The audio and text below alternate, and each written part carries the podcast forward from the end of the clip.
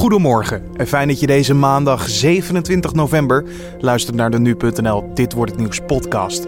Mijn naam is Carne van der Brink en ik zal je in een klein kwartier bijpraten over het nieuws van nu, de zaken die verder deze dag te gebeuren staan en we hebben een mediaoverzicht voor je vandaag. Zometeen aandacht voor tips om de maandagochtendfile te vermijden en hoe gaat het met de bovenwindse eilanden. Maar eerst het belangrijkste nieuws van dit moment. Het vliegveld van Bali is gesloten nadat de autoriteiten op het Indonesische eiland het hoogste dreigingsniveau hebben ingesteld. Dit vanwege de uitbraak van de vulkaan Agung.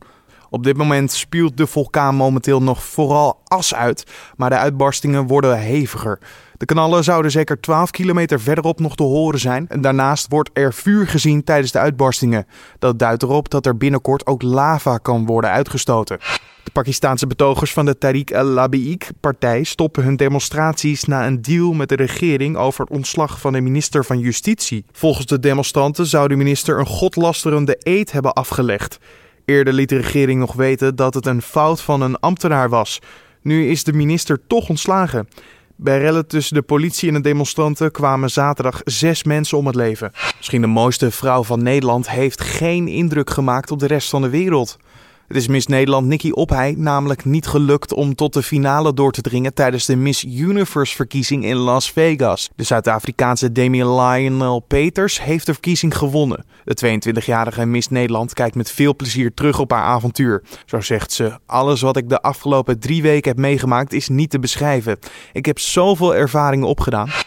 In Roemenië hebben zondag 10.000 mensen opnieuw geprotesteerd tegen de plannen van de sociale liberale regering om het strafrecht tegen corruptie te versoepelen. Rechtvaardigheid, geen corruptie, rode pest, dieven. Dat waren een paar van de boodschappen van de demonstranten zondagavond. Het kabinet van premier Sorin Grinda riep eind januari ook al volkswoede over zich af met een poging een campagne tegen corruptie af te zwakken. Het gevraagde besluit werd teruggedraaid na massale protesten. En dan kijken we naar het nieuws van vandaag. Oftewel, dit wordt het nieuws. Ga je vandaag de weg op of word je altijd gek van het feit dat je weer in die file staat? Let dan even op, want door het slechte weer vandaag zullen er ook weer veel files gaan ontstaan.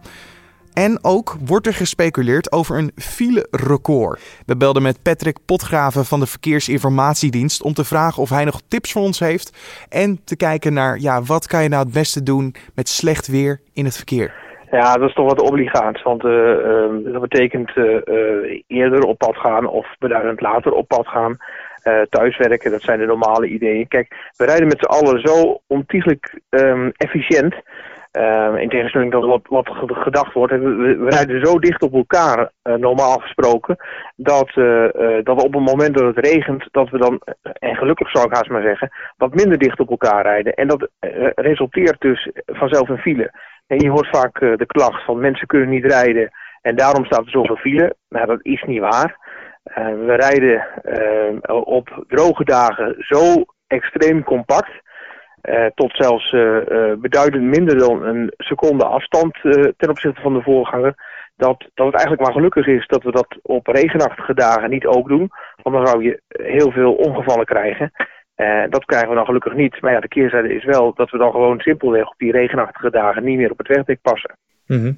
bij, uh, bij jullie dan VID controleer je natuurlijk altijd files. Waar staat het? Uh, waar kan je de beste rekening mee houden? Hoe gaat het weer er ook wel uitzien? Noteren jullie dat allemaal en communiceren jullie? maar als er nou zo'n file-record dan ontstaat, wat bijvoorbeeld vandaag mogelijk gaat gebeuren, worden jullie dan ook gewoon blij dat het ontstaat? Is, is het dan een soort trotsgevoel? Of denk je van jongens, eigenlijk mogen we hier niet blij mee zijn? Want het is een naar record wat er is. Nou, eigenlijk zegt het record ons niet heel, heel erg. Het is met name een media uh, uh, dingetje dat... Uh, uh, dat er zoveel aandacht voor is. Maar eigenlijk zegt het niet zo heel veel. Zeker niet omdat je bij uh, dat soort standen eigenlijk alleen maar kijkt naar het piekmoment. Terwijl je als je eigenlijk naar de spits kijkt, maar dat kan je pas doen als die spits echt afgelopen is. Dat je kijkt naar de hoeveelheid file die er in de hele spits heeft ge gestaan. Dus niet alleen naar het piekmoment, uh, maar uh, ook naar uh, alle andere files die er op dat moment stonden en hoe lang ze er, er stonden. Dus een spits beoordeel je eigenlijk, ook als je kijkt naar jaargrafieken, naar alle files die er stonden gedurende de hele een hele periode van de spits. Dus dat record, zeg maar, dat, um, ja, dat doen we eigenlijk niet zo heel veel aan. Je hoorde Patrick Potgraven van de Verkeersinformatiedienst. Twee maanden terug raasde orkaan Irma over de bovenwindse eilanden. Veel huizen, winkels en andere voorzieningen werden verwoest. Nederland kwam massaal in actie met kleine zelfstandige acties en ook een nationale actie met daarbij een opgehaald noodbedrag van 13,3 miljoen euro. Hoe gaat het nu met de eilanden Sint Maarten, Saba en Sint Eustanius? CDA-staatssecretaris Knops van Koninkrijk Relaties is deze hele week daar ter plaatse om te kijken hoe het daar gaat en of en hoe we nog verder kunnen helpen. Gisteravond had de staatssecretaris nog even tijd om aan de telefoon te komen en wij vroegen hem wat zijn doel is voor deze reis.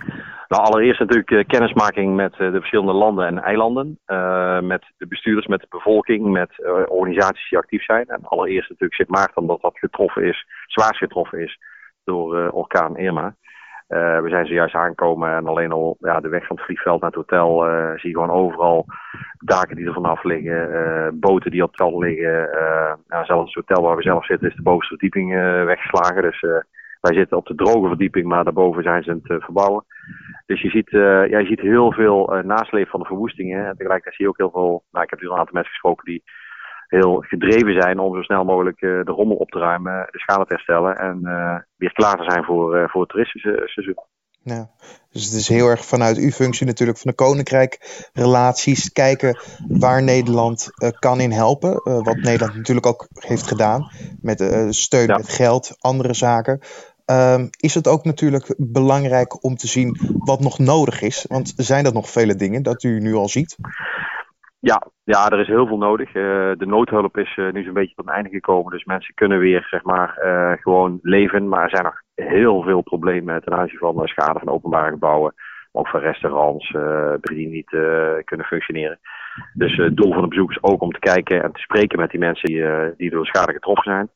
En ook om daarmee de voorbereiding te maken voor de, de wederopbouw die, uh, die Nederland uh, gaat uitvoeren. Uh, waarvoor het kabinet 550 miljoen euro heeft uitgetrokken. Mm -hmm. Dus dat is, dat is een belangrijk onderdeel. Voor mij een hernieuwde kennismaking. Ik was hier twaalf jaar geleden voor het laatst. En er is veel gebeurd hoe, op het eiland. Is dat? En, ja. Hoe is dat om nu opeens die oude herinnering die u heeft, opeens in een nieuw daglicht te moeten zetten? Ja, het is surrealistisch. Het is natuurlijk een, een, een prachtig land, zeg maar, eiland uh, mooi weer, uh, vriendelijke mensen. En dan loop je hier uh, rond en dan zie je gewoon nog steeds een soort van surrealistische vertoning. Waarbij ja, gewoon de, de, de, boten die in het water horen te liggen, liggen op de kant op een manier die ze, die ze normaal niet zouden moeten hebben. en er is gewoon heel veel schade aan panden, aan auto's, aan allerlei dingen. En je ziet ook mensen nu, het is hier zondag nu, maar je ziet gewoon mensen nu nog de, de hotels repareren, ze werken gewoon door. En ja, ik vind het belangrijk dat, dat ik door mijn aanwezigheid hier ook kan laten zien dat we betrokken zijn met de mensen en dat we ook zorgen dat ze zo snel mogelijk weer uh, ja, uh, verder kunnen. Want uh, ja, dit is een, heeft een enorme impact gehad op de bevolking. ook de ervaring alleen al van die orkaan, maar ook gewoon de schade die daar het gevolg van is. Het, de eilanden hebben ook heel veel steun gehad van de koninklijke familie van Nederland. de majesteit de koning, hare majesteit de koning, die komen ook deze week naar de eilanden toe om te kijken hoe het gaat. Hoe gaat dus u begeleiden en wat is heel erg belangrijk voor hun schema deze week? Nou, ik zal het koninklijk paar uh, inderdaad begeleiden op hun bezoek aan, aan de drie eilanden. ik ben wat eerder gegaan om ook zelf alvast met eigen ogen te kunnen zien hoe die situatie is. En hen ook te kunnen brieven over wat ik gezien heb. En voor het over zal ik hun begeleiden op hun rondreis over de drie eilanden. En zoals u weet is er heel veel draagvlak voor het koninklijk huis hier. mensen zijn zeer geliefd. En nou, ik ga van dichtbij meemaken hoe dat de komende dagen gaat. We gaan naar Sabadé, de eh, een hele feestelijke dag op Saba. We gaan naar Stasia, Sint Eustatius. Uh, en ook op Sint Maarten zullen we met het koninklijk paar uh, zijn. Dus ja, ik moet zeggen, ik kijk erg uit naar deze, deze reis en naar dit bezoek. Toch nog een stukje steun en feestelijkheid in een ja, hele surrealistische, zoals u al zei, week. Um, het, is, het is ook misschien een, een, een aparte timing, of juist de timing is daar heel concreet in. Uh, afgelopen vrijdag natuurlijk de raadgeving die werd gegeven vanuit Nederland naar de gouverneur om uh, de premier van Sint Maarten um, af te zetten, William Marlin. Mm -hmm. uh, hij heeft ook zijn ontslag ingediend na de druk vanuit Nederland. Merkt u daar iets uh, in Sint Maarten van, dat hij zijn taken heeft neergelegd? Nou, dat is nog te vroeg om dat te constateren. Ik ben wel aangesproken de mensen die zeggen van, nou goed dat Nederland uh, druk heeft gezet, want uh, dit kan gewoon niet. dus onderweg hier naartoe in het vliegtuig. Ehm, en ik zal morgen met de gouverneur als eerste spreken. Om met hem ook de situatie zoals die nu ontstaan is door te nemen. En vooral ook vooruit te kijken. En ik zal ook met bestuurders, ministers van, van Sint Maarten spreken. en mijn inzet is erop gericht om die verhoudingen met Nederland weer te herstellen om te zorgen dat hier ook pad geëffend wordt voor, voor die wederopbouw. En dat willen wij gewoon heel voortvarend doen. En het opstappen van de premier heeft in ieder geval ervoor gezorgd dat we nu ook verder kunnen. En dat we, dat we Sint Maarten verder kunnen helpen. Zou u dan zeggen dat, het u, dat de opstap dan uw bezoek ook een stuk makkelijker maakt? Of heeft dat eigenlijk niet zozeer met elkaar te maken? Ja, dat heeft zeker met elkaar te maken. Omdat ik ook eerder al had aangegeven dat ik pas naar Sint Maarten zou afreizen als de premier ook zijn ontslag zou hebben ingediend. En dat heeft hij ook gedaan. En daarom heb ik ook deze reis kunnen aanvangen. Anders had ik, was ik niet afgereisd.